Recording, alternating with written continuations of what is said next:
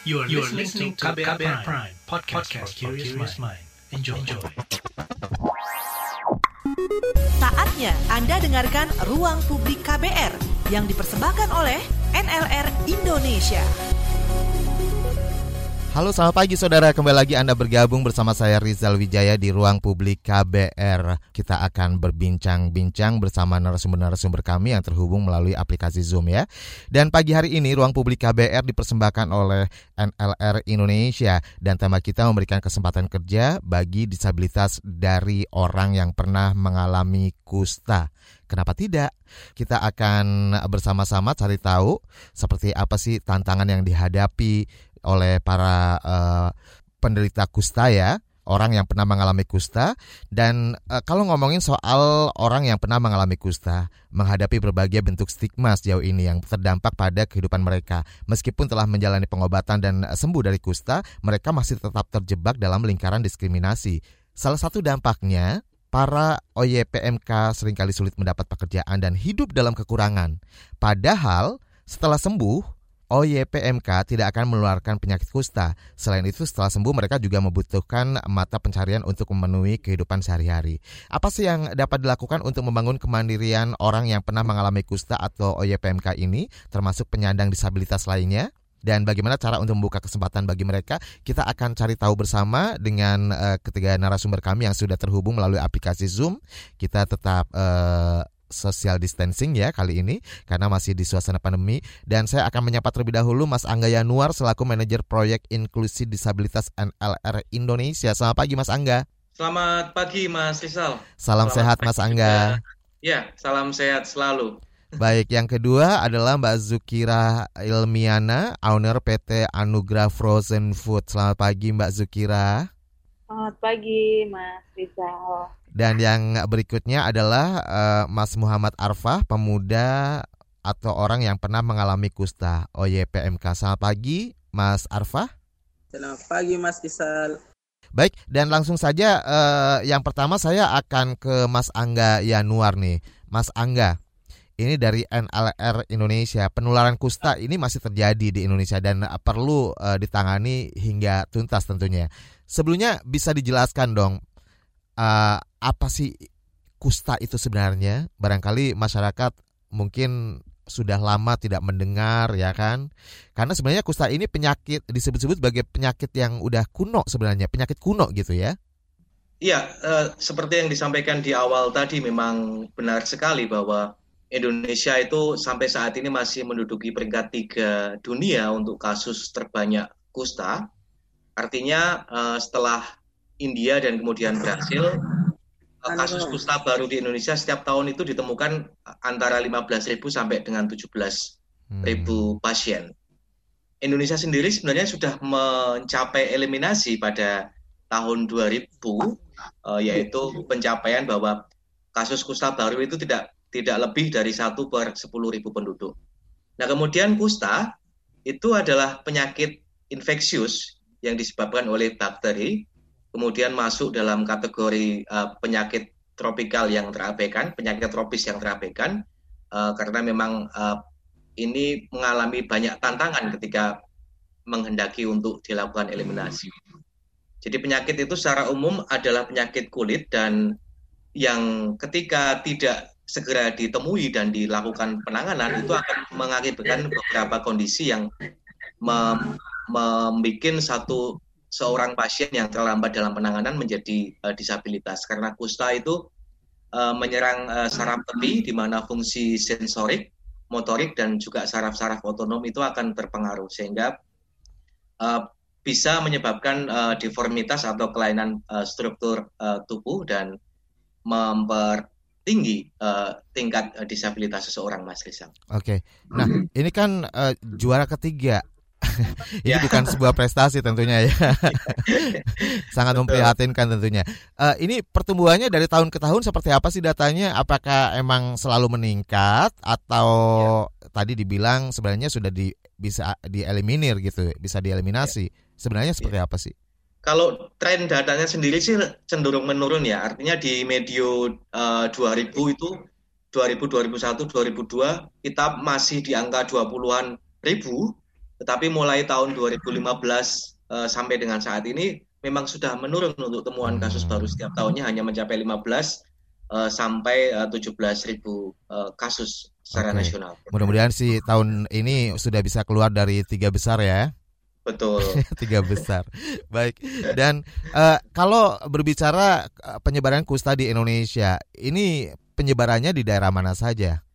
Iya, Mas Rizal. Uh, penyebaran uh, kusta itu saat ini masih ada sembilan uh, provinsi yang yang belum uh, menyatakan bahwa mereka sudah melakukan eliminasi kusta. Tapi kalau boleh kita bicara di dua atau tiga tahun ke belakang itu lokasi-lokasi seperti Papua, Sulawesi Selatan, NTT, Jawa Timur, uh, Sumatera Barat itu masih cukup uh, tinggi kasus kustanya. Artinya masih secara nasional memang kita sudah uh, menemui atau mencapai eliminasi, tapi kembali untuk kasus-kasus di tingkat kabupaten, provinsi itu memang belum semuanya wilayah di Indonesia uh, mencapai eliminasi kusta, Mas Reza. Hmm.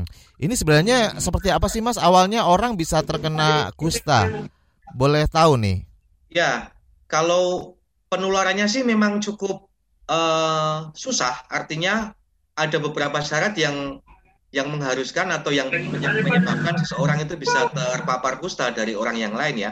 Artinya harus ada kontak erat uh, yang cukup lama dan biasanya tanda awal itu adalah munculnya bercak, itu bisa warna putih, bisa warna merah, dan itu mati rasa. Itu yang dapat dilihat secara uh, visual uh, awam ya. Tapi mungkin lagi uh, ada beberapa penegakan diagnosis seperti uh, penebalan saraf, kemudian pembengkakan dan lain sebagainya itu bisa ditindaklanjuti uh, secara medis.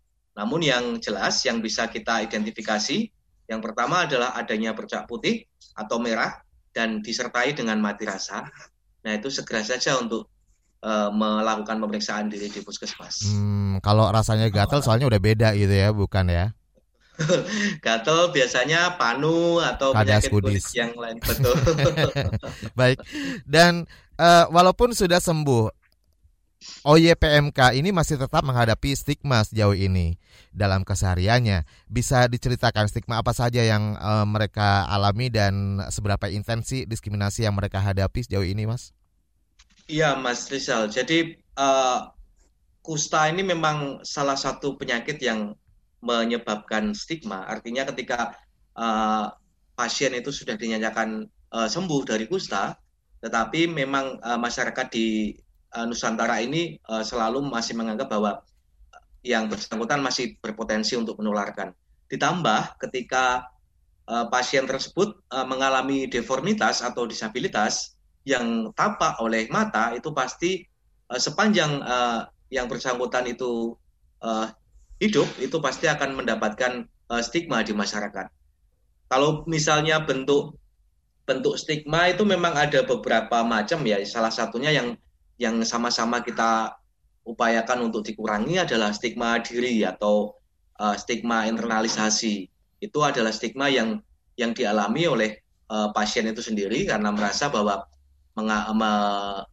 mengidap penyakit kusta itu uh, merupakan satu kondisi yang yang uh, tidak menyenangkan atau kondisi yang tidak baik begitu. Oke, nah, nanti uh, mungkin dari Mas Arfa juga boleh menceritakan ya stigma apa saja yang dialami. Tapi tahan dulu. Sebelumnya saya akan ke Mbak Zukira. Mbak Zukira, ini isu kusta dan pembangunan inklusif disabilitas tidak bisa dipisahkan begitu saja. Karena kita tahu kan, jika tidak ditemukan dan diobati dengan segera, seperti tadi yang sudah dijelaskan oleh Mas Angga ya gitu ya, kusta ini dapat menyebabkan disabilitas. Bagaimana anugerah Frozen memandang isu uh, kusta dan disabilitas itu sendiri. Uh, terima kasih Mas Rizal atas kesempatan yang diberikan kepada saya uh, mengenai uh, isu kusta dan disabilitas. Saya selaku owner sebenarnya menganggap bahwa kusta itu sebagai penyakit kulit yang selama ini dianggap buruk oleh beberapa orang. Nah, stigma negatif yang tadi dijelaskan oleh Mas Angga uh, itu merupakan perilaku diskriminatif yang kerap dialami para penderita kusta di seluruh dunia, hmm. terutama di Indonesia. Nah, penderita kadang merespon dengan menyembunyikan penyakit kustanya karena takut untuk dijauhi di lingkungan sekitarnya. Nah, menurut saya dengan adanya isu seperti itu, harusnya kita sebagai masyarakat tidak perlu merespon dengan adanya isu tersebut. Seharusnya uh, kita memberikan itu energi-energi positif terhadap orang-orang yang pernah mengalami kusta dan khususnya ya, uh, juga kepada penyandang disabilitas. Uh, persoalan budaya dan stigma di masyarakat itu menjadi salah satu masalah besar yang melahirkan ketidakadilan, kesenjangan, dan dalam pemenuhan hak-hak terhadap kawan-kawan penderita kusta dan penyandang disabilitas. Belum lagi persoalan penanganannya, yang hari ini masih adanya anggapan bahwa disabilitas dan OYPMK itu merupakan persoalan kesejahteraan yang hanya menjadi tanggung jawab Kementerian Sosial saja. Padahal sebenarnya ini adalah persoalan mendesak yang memerlukan keterlibatan kita semua sebagai masyarakat yang mengedepankan kepedulian sosial. Seperti itu, Mas. Baik. Dan uh, perusahaan Anda, Anda sebagai owner dari Anugerah Frozen Food gitu ya di Belukamba. Ini salah satu perusahaan penerima magang disabilitas dalam program kerja inklusif Katalis yang diinisiasi oleh NLR Indonesia bersama-sama organisasi di Sulawesi Selatan. Boleh boleh diceritakan sedikit nih sampai sampai akhirnya uh, uh, menjadi salah satu perusahaan yang dipercaya untuk um, menerima magang disabilitas. Ya uh, awalnya uh, mereka diterima magang karena mereka sudah mendaftar di beberapa perusahaan-perusahaan tapi ada beberapa perusahaan yang ada di Bulukumba itu menolak kawan-kawan dari disabilitas untuk pemagaman di perusahaannya. Nah, pada saat itu salah satu dari ini uh, penyandang disabilitas yang lain uh, bertemu dengan saya dan meminta untuk menerima salah satu pemagaman di perusahaan saya seperti itu. Jadi dengan senang hati dan saya juga berterima kasih sih sebenarnya dengan adanya mereka di perusahaan saya karena itu bisa membantu dalam uh, melakukan uh, apa namanya melakukan pekerjaan yang ada di perusahaan. Hmm, oke okay, keren banget. Nah sejauh ini ada berapa karyawan disabilitas atau mungkin uh, orang yang pernah uh, mengalami kusta di perusahaan Mbak? Uh, untuk saat ini baru satu sih untuk uh, pemagaman yang kemarin. Oke. Okay. Karena memang baru satu kali kayaknya hmm. membuka pemagaman bagi ini. Jadi kalau seandainya ada yang melamar lagi kayak gitu juga tetap diterima ya Mbak ya? Iya, boleh dengan senang hati. Siap. Luar biasa loh. Ini bentuk salah satu uh, tanggung jawab sebagai masyarakat yang ternyata memang uh, disadari atau tidak ini menjadi uh, tanggung jawab sosial juga ya. Artinya bukan hanya menjadi tugas pemerintah saja. Baik, dan nanti kita akan lanjutkan kembali. Kita akan bahas selanjutnya di ruang publik KBR setelah jeda berikut ini. Masih Anda dengarkan Ruang Publik KBR yang dipersembahkan oleh NLR Indonesia. Commercial break. Commercial break. Commercial break. Transfer ke sini udah, bayar ini juga udah. Ke gue udah. Heh, Allah, pertumbuhan ekonomi tuh lagi melambat, persis kayak tabungan gue. Betul banget, harus matang ngelola keuangan. Pengennya tuh investasi sesuatu gitu ya. Apa gitu yang cocok dan menguntungkan? Hmm, coba dengerin uang bicara deh. Gue belakangan lagi dengerin podcast itu di KBR Prime. Reksadana tadinya 500 juta udah turun dari 250 juta sekarang 10 ribu. Sama kita ngopi, mahalan mana? Ketika itu ada keputusan yang kayak begitu, investor harus tahu gitu, oh ada keputusan ini berarti implikasinya apa? Orang mungkin perluas literasi kamu lewat podcast Uang Bicara Uang Bicara menavigasi kamu dengan menghadirkan bahasan-bahasan seru dan populer mulai dari investasi sampai kebijakan. Dipersembahkan oleh KBR Prime dan bisa didengarkan di KBR Prime, Spotify, dan platform mendengarkan podcast lainnya. KBR Prime, podcast for curious mind. Masih Anda dengarkan Ruang Publik KBR yang dipersembahkan oleh NLR Indonesia. Anda masih bergabung bersama saya Rizal Wijaya di ruang publik KBR dengan tema memberikan kesempatan kerja bagi disabilitas dan orang yang pernah mengalami kusta. atau OYPMK Kenapa tidak? Dan saya juga masih eh, bersama tiga narasumber yang sudah terhubung melalui aplikasi Zoom ya pagi hari ini. Yang satu dari Sleman, Yogyakarta, kemudian dari Sulawesi juga. Nah, yang pertama ada Mas Angga Yanuar dari Sleman ya, manajer proyek inklusi disabilitas NR Indonesia. Kemudian Mbak Zukira Ilmiana, owner PT Anugerah Frozen Food dari Sulawesi ya Mbak ya.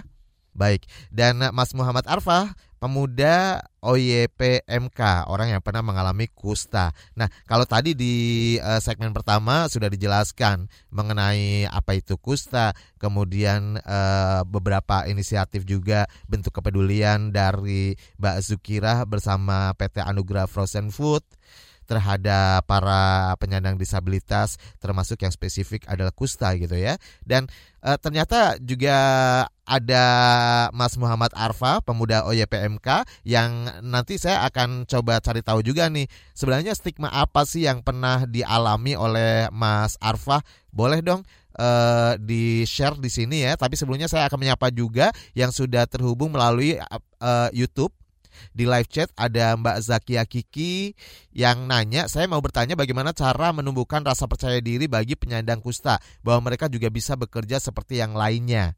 Nah, ini nanti juga akan ditanggapin, akan dijawab ya oleh narasumber kami. Kemudian ada Mas Ahmad Matuji e, dari KSB. Pertanyaan untuk Bapak Angga, penyebaran kusta di 9 provinsi apa saja? Maksudnya gimana ya? Oke, nanti boleh ditanggapin ya. Tapi Mas Arfa, Mas Arfa, halo. Mas ya, Arfa. Mas. Ya. Se apa suara saya bisa kedengar Mas? Ya, pernah pernah mengalami stigma sebagai orang yang pernah mengalami kusta? Uh, Assalamualaikum warahmatullahi wabarakatuh. Waalaikumsalam uh, warahmatullahi wabarakatuh. Pagi menjelang siang. Uh, perkenalkan nama saya Arfa dari Permata Cabang Goa, salah satu uh, YPMK orang yang pernah uh, orang yang pernah mengalami kusta uh, stigma yang saya pernah rasakan uh, di masa pengobatan saya uh, waktu itu uh, saya masih sekolah uh, kelas 3 SMP uh, waktu itu saya masa saya banyak stigma yang saya dapatkan di sekolah saya waktu itu uh, kulit saya uh, sangat hitam gelap uh, disertai dengan belang-belang uh, di muka saya. Setiap saya ke sekolah, uh, saya selalu diejek uh, sama teman-teman, uh, selalu dibilangi monster, dibilangi roti gosong. Uh, di situ saya uh, saya sangat sedih dan jarang ke sekolah. Mungkin itu dari saya, ya. Mas. Maaf ya, jadi sedikit mengingatkan gitu ya. Sebenarnya kan udah berlalu lama ya. Sekarang kan udah udah udah asik dong sekarang udah udah sehat ya kan udah bekerja juga ya dengar dengar ya kulit saya sudah uh, sudah baik. Mm -mm. Sudah, saya pikir kayak ini loh saya aja kalah loh. Dan, bener. dan sudah uh, sudah berani testimoni di depan uh, dan testimoni di teman-teman OYPMK bahwa uh, uh, kita bisa sembuh seperti saya. Jangan takut untuk berobat uh, percaya diri itu tetap. Karena uh, kita uh, punya kelebihan masing-masing dan uh, kita semua sama. Oke, okay. ya. Mas Arfa, Mas Arfa ini kan uh, sebagai peserta magang dalam program Katalis NLR Indonesia di Sulsel ya. Nah, Mas Arfa ini juga diterima magang di kantor Satpol PP Kota Makassar sebagai staf administrasi Wih, keren banget. Ini sebuah pencapaian yang sangat luar biasa. Nanti boleh diceritakan juga ya Mas Arfa ya. Tapi sabar dulu, tahan dulu karena uh, saya akan mau minta tanggapan terlebih dahulu ke uh, narasumber yang lain Mas Angga. Mas Angga, ini tadi ada yang nanya ya. nih. Uh, cara menumbuhkan rasa percaya diri bagi penyandang kusta bahwa mereka juga bisa bekerja seperti yang lainnya seperti tadi yang disampaikan oleh Mas Arfa juga mungkin uh, sedikit banyak juga uh, sudah menginspirasi teman-teman yang lainnya pendengar kita ya. Seperti apa Baik. nih Mas? Ya, uh, terima kasih sudah bertanya. Jadi setidaknya harus ada dua hal yang kita lakukan. Yang pertama adalah kita meningkatkan motivasi uh, secara khusus kepada orang yang pernah mengalami kusta. Dan yang kedua, kita juga meningkatkan kesadaran kita kepada eh, kawan-kawan yang pernah mengalami kusta. Artinya uh, kita juga dituntut untuk membekali dengan pengetahuan-pengetahuan yang cukup supaya kita mampu mengembangkan paradigma yang baru untuk memandang kusta dan orang yang pernah mengalami kusta. Sekaligus kita uh, meng, mengubur dalam-dalam uh, apa namanya persepsi-persepsi uh, yang uh, negatif tentang kusta adalah penyakit uh, kutukan, kusta mudah sekali ditularkan, uh, kusta tidak bisa sembuh dan ketika kita sudah memiliki persepsi yang bagus tentang kusta, eh, kita akan bisa menerima eh, kawan-kawan orang yang pernah mengalami kusta itu secara lebih baik lagi. Nah, selain itu, eh, peningkatan-peningkatan kapasitas itu juga masih diperlukan oleh teman-teman yang yang pernah mengalami kusta. Artinya bahwa uh, di kehidupan uh, mereka sebelumnya itu banyak diwarnai dengan pengalaman-pengalaman uh, yang tidak menyenangkan, kemudian uh, pasti ada rasa enggan, rasa sungkan ketika mencoba untuk berpartisipasi kembali di, di dalam uh, lingkungan sosial. Seperti halnya misalnya dalam penolakan-penolakan dalam uh, dunia pekerjaan gitu ya, Mas ya? Betul, betul. Uh, ini sangat terjadi. Di, ini sangat uh, bisa terjadi karena ada beberapa faktor tadi, Mas Rizal. Yang pertama bahwa perusahaan itu tidak tidak memiliki pandangan yang baik tentang orang yang pernah mengalami kusta. Di sisi lain, memang Eh, kawan-kawan ini perlu ditingkatkan kembali motivasi dan uh, semangatnya begitu. Hmm, Oke. Okay.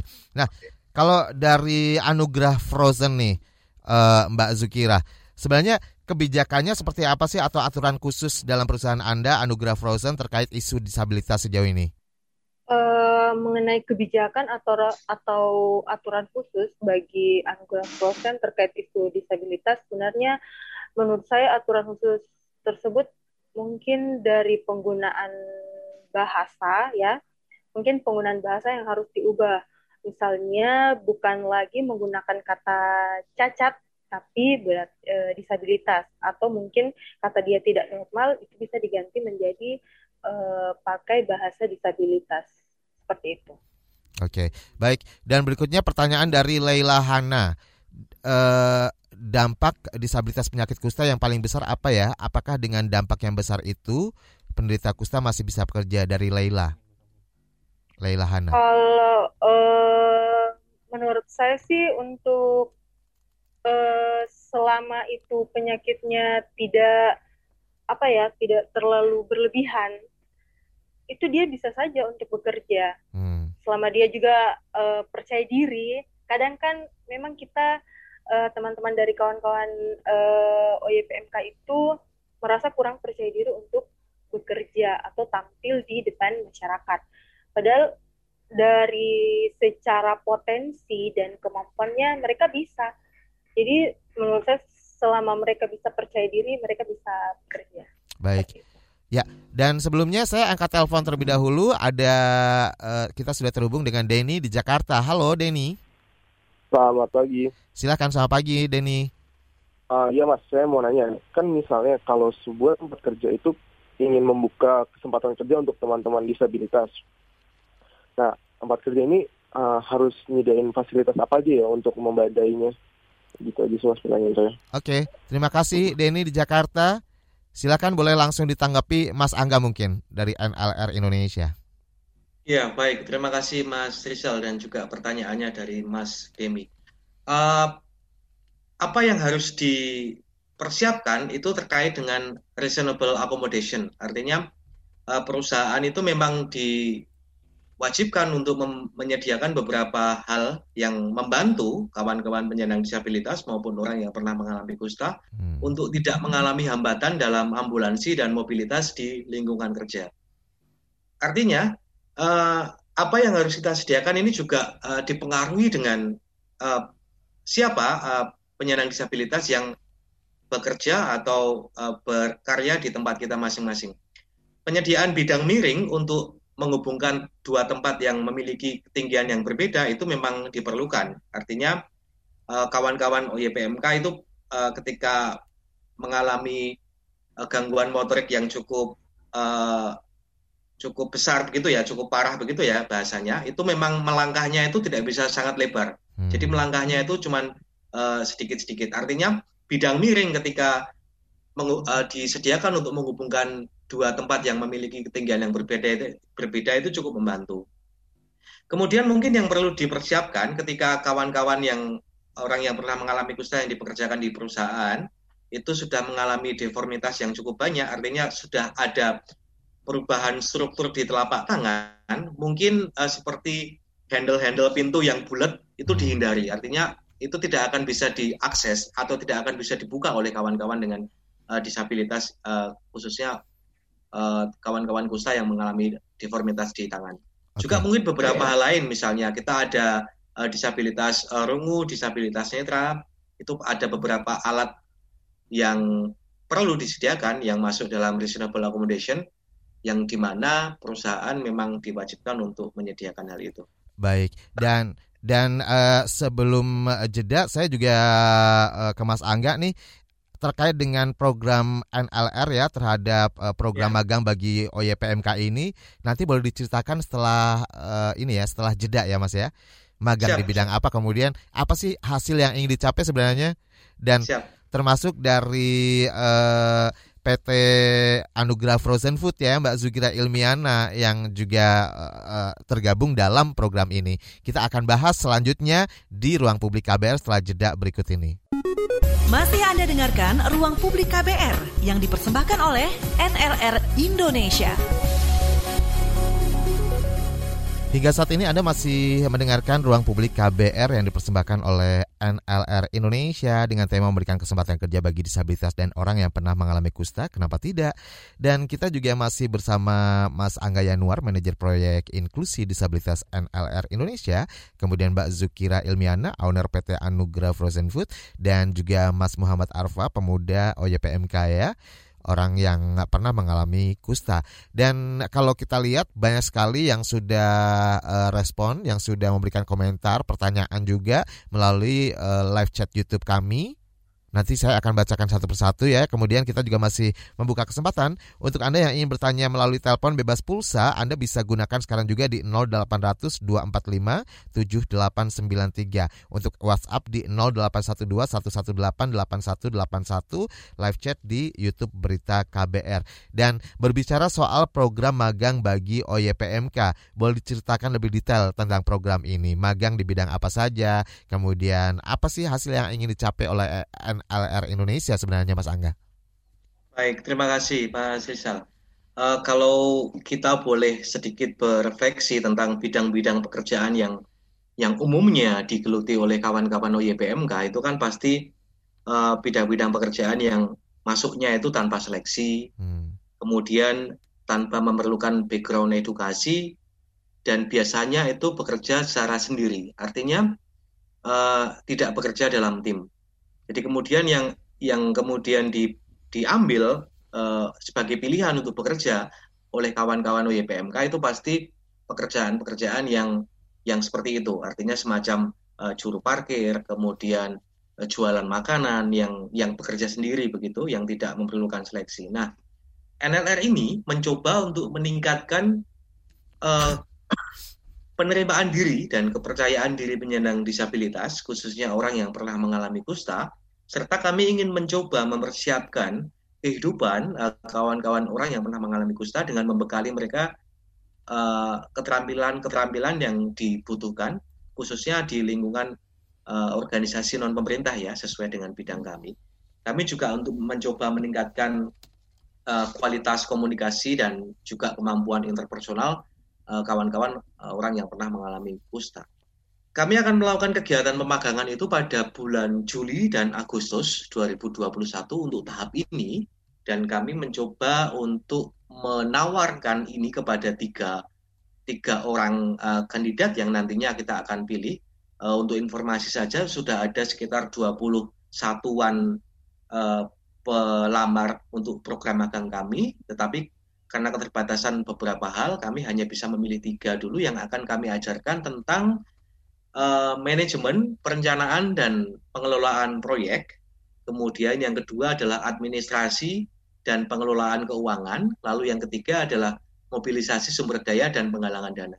Tiga aspek itu memang cukup penting dan cukup uh, familiar di kalangan eh, kawan-kawan uh, di dunia uh, lembaga swadaya masyarakat karena uh, tiga hal tersebut adalah tiga uh, skill dasar yang memang harus dimiliki.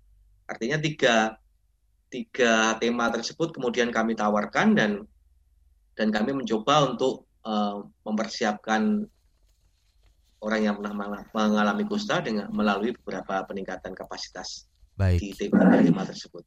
Iya. Dan uh, sekarang sudah ada juga pertanyaan dari Febriana Ratnasari. Pekerjaan apa yang cocok bagi penyandang disabilitas? Kemudian Jo Chandra, uh, Mas Arfa bagaimana cara menenangkan diri kalau itu waktu diejek teman sekolah? Apakah ada tips buat teman OYPMK lainnya? Terima kasih. Nah, ini mungkin uh, dari Febriana Nasari terlebih dahulu nih, pekerjaan apa sih sebenarnya yang cocok bagi penyandang disabilitas, termasuk uh, penyandang kusta? Saya, saya Mas. Boleh, boleh Mas Angga, boleh. ya, uh, sebenarnya semua pekerjaan itu uh, cocok untuk penyandang disabilitas. Memang di beberapa hal itu perlu melakukan uh, penyesuaian-penyesuaiannya. Artinya uh, ketika uh, lingkungan kantor yang kantor modern saat ini dengan ruang yang kemudian ada beberapa kubik kubik kubikel di sana, itu otomatis kan gang gang untuk dilewati itu menjadi sangat sempit. Kita mungkin bisa dengan berjalan uh, secara wajar, tetapi kawan-kawan yang memiliki atau menggunakan kursi roda sebagai alat bantu mobilitas itu pasti akan sangat kesulitan. Hmm. Dan kemudian yang perlu diperhatikan dalam mempekerjakan uh, penyandang disabilitas karena kusta ya, karena mereka mengalami gangguan saraf tepi seperti yang saya sampaikan di awal tadi, sehingga sensasi atau sensorinya itu uh, kurang, kemudian motoriknya juga kurang dan saraf-saraf otonomnya juga uh, seperti kelenjar keringat dan lain sebagainya. Maka yang perlu diperhatikan adalah uh, penyediaan sarana keamanannya ya. Artinya ketika ketika uh, OYPMK tersebut dipekerjakan di lingkungan yang memiliki suhu yang cukup tinggi, berarti perlu disediakan uh, sarung tangan maupun sepatu uh, safety yang bisa melindungi mereka karena apa pun yang mereka sentuh uh, itu uh, tidak dapat dirasakan oleh sebagian uh, pasien kusta dan UYPMK. Baik. Nah, ya. Mbak Sukira, kalau di perusahaan Anda sendiri ini kan sudah ada yang bekerja juga ya, sudah mempekerjakan magang salah satu karyawannya di perusahaan iya, Anda. Ya, penyandang disabilitas. Nah, bagaimana sih respon dari penyandang dis, uh, atau karyawan yang lainnya Bagaimana reaksi karyawan lainnya terhadap karyawan magang dari penyandang kusta atau disabilitas ini? Apakah mereka bergaul bersama atau malah menjaga jarak jauh ini? Ini juga pertanyaan dari Mas Hendra di KSB. Uh, ya baik. Uh, mengenai karyawan yang lain, uh, responnya terhadap teman yang penyandang disabilitas ini mereka tidak memandang sama sekali ya secara ini uh, mereka memperlakukan sama apa ya uh, kemudian fasilitas yang didapatkan juga itu tetap sama bagi mereka. Saya pun selaku owner tidak membedakan antara teman dari penyandang disabilitas dengan karyawan saya yang karyawan saya itu uh, di mata saya mereka sama karena secara skill eh, kawan-kawan dari disabilitas ini juga jauh lebih baik ya bisa saya bilang begitu karena se apa pengalaman saya waktu saya ajarkan dia lebih cepat tanggap hmm. seperti itu. Uh, jadi sebenarnya tidak ada masalah baik dia itu disabilitas hmm. maupun di non disabilitas ya karena pada dasarnya kemampuan mereka sama, skill mereka juga sama. Jadi dan, apa yang harus dibedakan gitu ya? iya, apa yang harus dibedakan? Tidak karena ada masalah. Secara, profi uh -uh, secara profesional kan kita melihat bukan dari secara ini ya, secara dari fisiknya bukan, hmm. tapi kita lihat dari kemampuannya. Hasil pekerjaannya. Mm -mm, betul. Oke, baik. Keren banget sih. Dan tadi dari Jo Chandra nih penasaran juga nih uh, cara menenangkan diri waktu diejek teman sekolah atau dibully gitu ya atau mendapatkan stigma. Ada tips nggak sih yang bisa dibagikan ke teman-teman OYPMK yang lain nih supaya mereka juga bisa setegar Mas Arfa? Kenapa Mas? Iya. Jadi ini ada yang nanya nih Bagaimana cara menenangkan diri waktu uh, Arfa diejek teman-teman sekolahnya? Ada tips nggak buat teman-teman OYPMK yang lain? Uh, iya, eh, waktu itu eh, saya selalu eh, merasa eh, selalu kuat, eh, selalu ber, eh, melanjutkan pengobatan saya bahwa saya saya pasti bisa dan eh, jangan ngurung diri, tetap percaya diri. Nah, eh, mungkin itu dari saya. Cara membangun percaya dirinya gimana, Arfa? Uh, selalu didukung oleh uh, keluarga. Oke. Okay. Karena itu paling penting keluarga. Jadi support system tetap ya, tetap menjadi sesuatu yang penting juga dari orang-orang sekitar kita. Makanya dari yang mungkin yang yang terdekat dari keluarga barangkali ya. Jangan malah ikut-ikutan memberikan stigma gitu ya.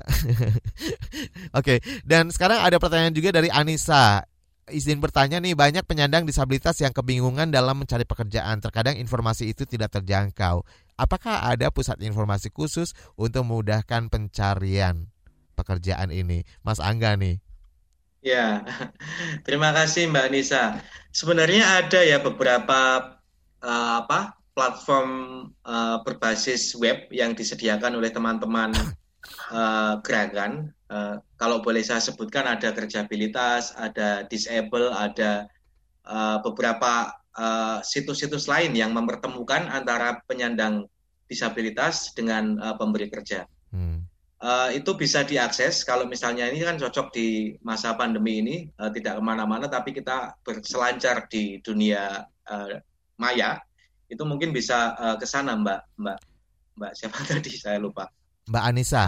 Mbak Anis, Mbak Anissa ya. Oke. Okay. Mbak Anissa bisa bisa mencoba beberapa uh, aplikasi yang telah dikembangkan oleh kawan-kawan. Baik. Dan sekaligus uh, kalau misalnya uh, di perusahaan-perusahaan tertentu itu uh, atau di dinas tenaga kerja kabupaten kota uh, amanat uh, PP nomor 60 tahun 20 tentang penyediaan unit layanan disabilitas di dunia pekerjaan itu juga bisa diakses. Hmm. Idealnya atau seharusnya mereka punya beberapa informasi tentang lowongan-lowongan uh, pekerjaan yang bisa uh, atau diperuntukkan oleh untuk penyandang uh, disabilitas Mbak Anissa. Oke, okay. karena sebenarnya juga pemerintah kan sudah mengeluarkan uh, peraturan bahwa perusahaan swasta wajib mempekerjakan paling sedikit satu persen penyandang disabilitas gitu ya. Implementasinya ya. sendiri seperti apa sih sebenarnya? Ya kalau kita bicara masalah uh, regulasi itu kan pasti banyak hal terkait Mas Rizal dan Ibu Bapak uh, semua. Yang pertama adalah uh, isinya atau uh, struktur uh, legal uh, kontennya. Ketika undang-undang itu menuliskan sesuatu yang baik, harus ada dua persen uh, untuk uh, pekerjaan uh, negeri, artinya di aparatur sipil negara dan satu persen di lingkungan swasta itu harus didukung oleh strukturnya juga. Misalnya ada nggak mekanisme apa namanya mekanisme sanksi begitu, sanksi yang ditimbulkan ketika tidak mempekerjakan penyandang disabilitas banyak kuota yang diamanatkan akan mendapat apa atau mungkin rewardnya ya ketika mempekerjakan penyandang disabilitas ini contoh saja maka pajak perusahaan akan dikurangi umpamanya dan kemudian ini juga terkait dengan budaya karena di perusahaan itu biasanya ada sekitar 100 lebih uh, orang, apakah mereka itu sudah cukup uh, aware dan tersensitisasi dengan baik oleh isu disabilitas? Bagaimana ketika nanti ada dua orang dengan disabilitas bekerja di sana, apakah akan okay. mendapat penolakan atau uh, sebaliknya? Baik. Ya, sebelum kita jeda, kita angkat telepon terlebih dahulu. Ada Roni di Jakarta. Selamat pagi, Roni. Selamat pagi. Silakan, Roni. Ya, pertanyaan saya, uh, apa peran masyarakat dalam membantu korban-korban uh, pembulian tentang kusta ataupun uh, disabilitas. Terima kasih. Oke, terima kasih ya Roni. Dan nanti jawabannya akan ditanggapi setelah jeda iklan berikut ini. Tetap di ruang publik KBR.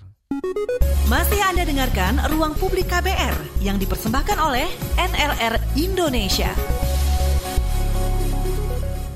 Commercial break. Commercial break. Commercial break. Hmm, saya heran kenapa dagangan Bulastri selalu laris manis ya? Jangan-jangan dia pakai penglaris nih. Ah, masa iya sih? Ah, saya samperin aja kali ya.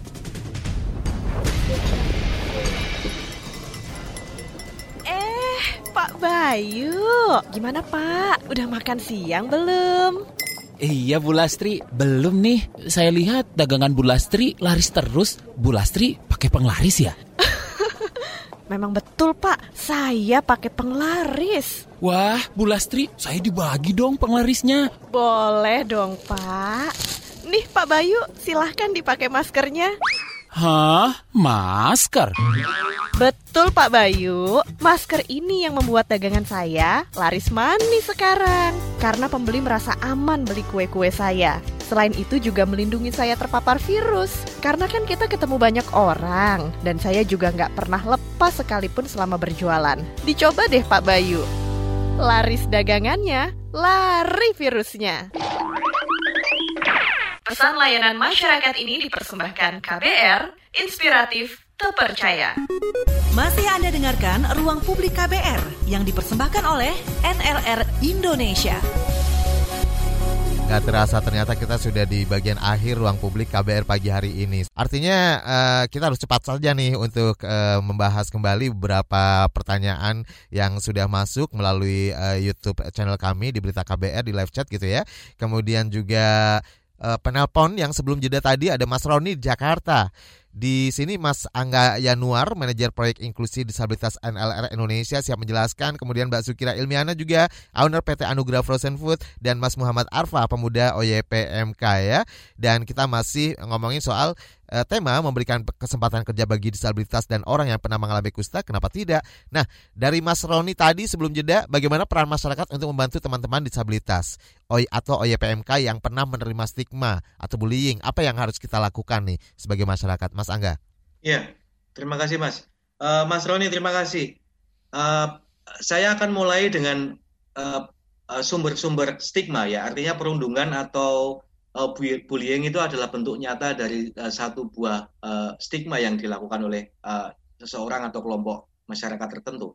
Yang pertama adalah pribadi, kemudian masyarakat, kemudian kelompok profesi dan juga uh, yang terakhir adalah institusi. Yang bisa kita lakukan adalah yang pertama, pertama, yang paling mudah itu adalah menjaga konsep bahwa manusia itu merupakan makhluk ciptaan Tuhan yang yang semuanya itu baik, semuanya itu sempurna dan memiliki derajat yang sama. Kemudian yang kedua, itu kalau kita mau sedikit mengeluarkan uh, effort, kita bisa membaca-baca atau membekali diri terkait dengan uh, kondisi tertentu yang dialami oleh seseorang. Nah, yang ketiga ini mungkin lebih lebih uh, memerlukan usaha yang banyak itu adalah mendorong atau melakukan uh, komunikasi publik sehingga memunculkan kebijakan-kebijakan yang mendukung tentang uh, pengurangan stigma uh, serta peningkatan rasa percaya diri uh, penyandang disabilitas dan juga orang yang pernah mengalami kusta. Hmm. Itu mas. Baik. Sejauh ini Mbak Sugira saya penasaran juga nih uh, Mbak Sugira ini kan uh, perusahaannya mempekerjakan uh, magang juga ya bagi OYPMK. Nah, kira-kira apa tantangan yang dihadapi sejauh ini? Tantangan yang saya alami sih sebenarnya dari pelanggan ya. Cara menatapnya itu yang sini ya. Hmm. Dan kadang juga yang datang ketemu sama saya dan siapa itu okay. yang yang jadi kasir gitu. Jadi saya jelaskan mereka adalah salah satu uh, magang di perusahaan saya hmm. dan dia juga sama dengan karyawan yang lain. Nah, kalau dari Mas Arfa, Mas Arfa, ya, karena kan Mas. beberapa waktu lalu Anda mendapat kesempatan magang di kantor Satpol PP Makassar ya kan. Nah, eh, tantangan yang dihadapi apa nih waktu eh, magang di sana? Ada kendala nggak? yang dialami?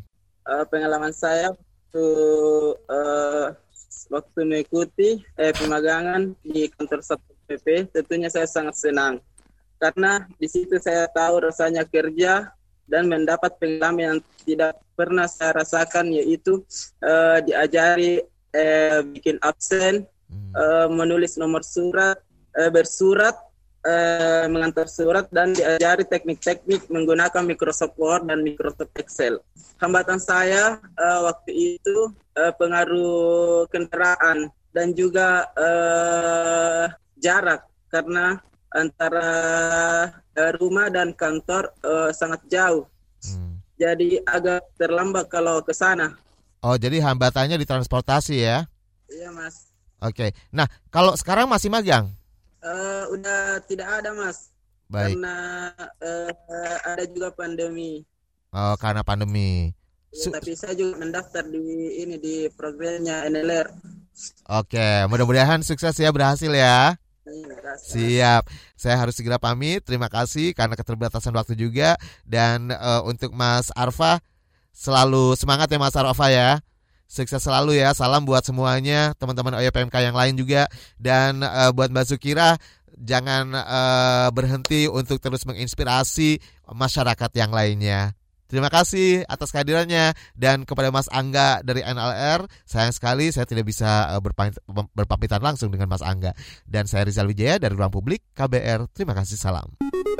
Baru saja Anda dengarkan Ruang Publik KBR yang dipersembahkan oleh NLR Indonesia.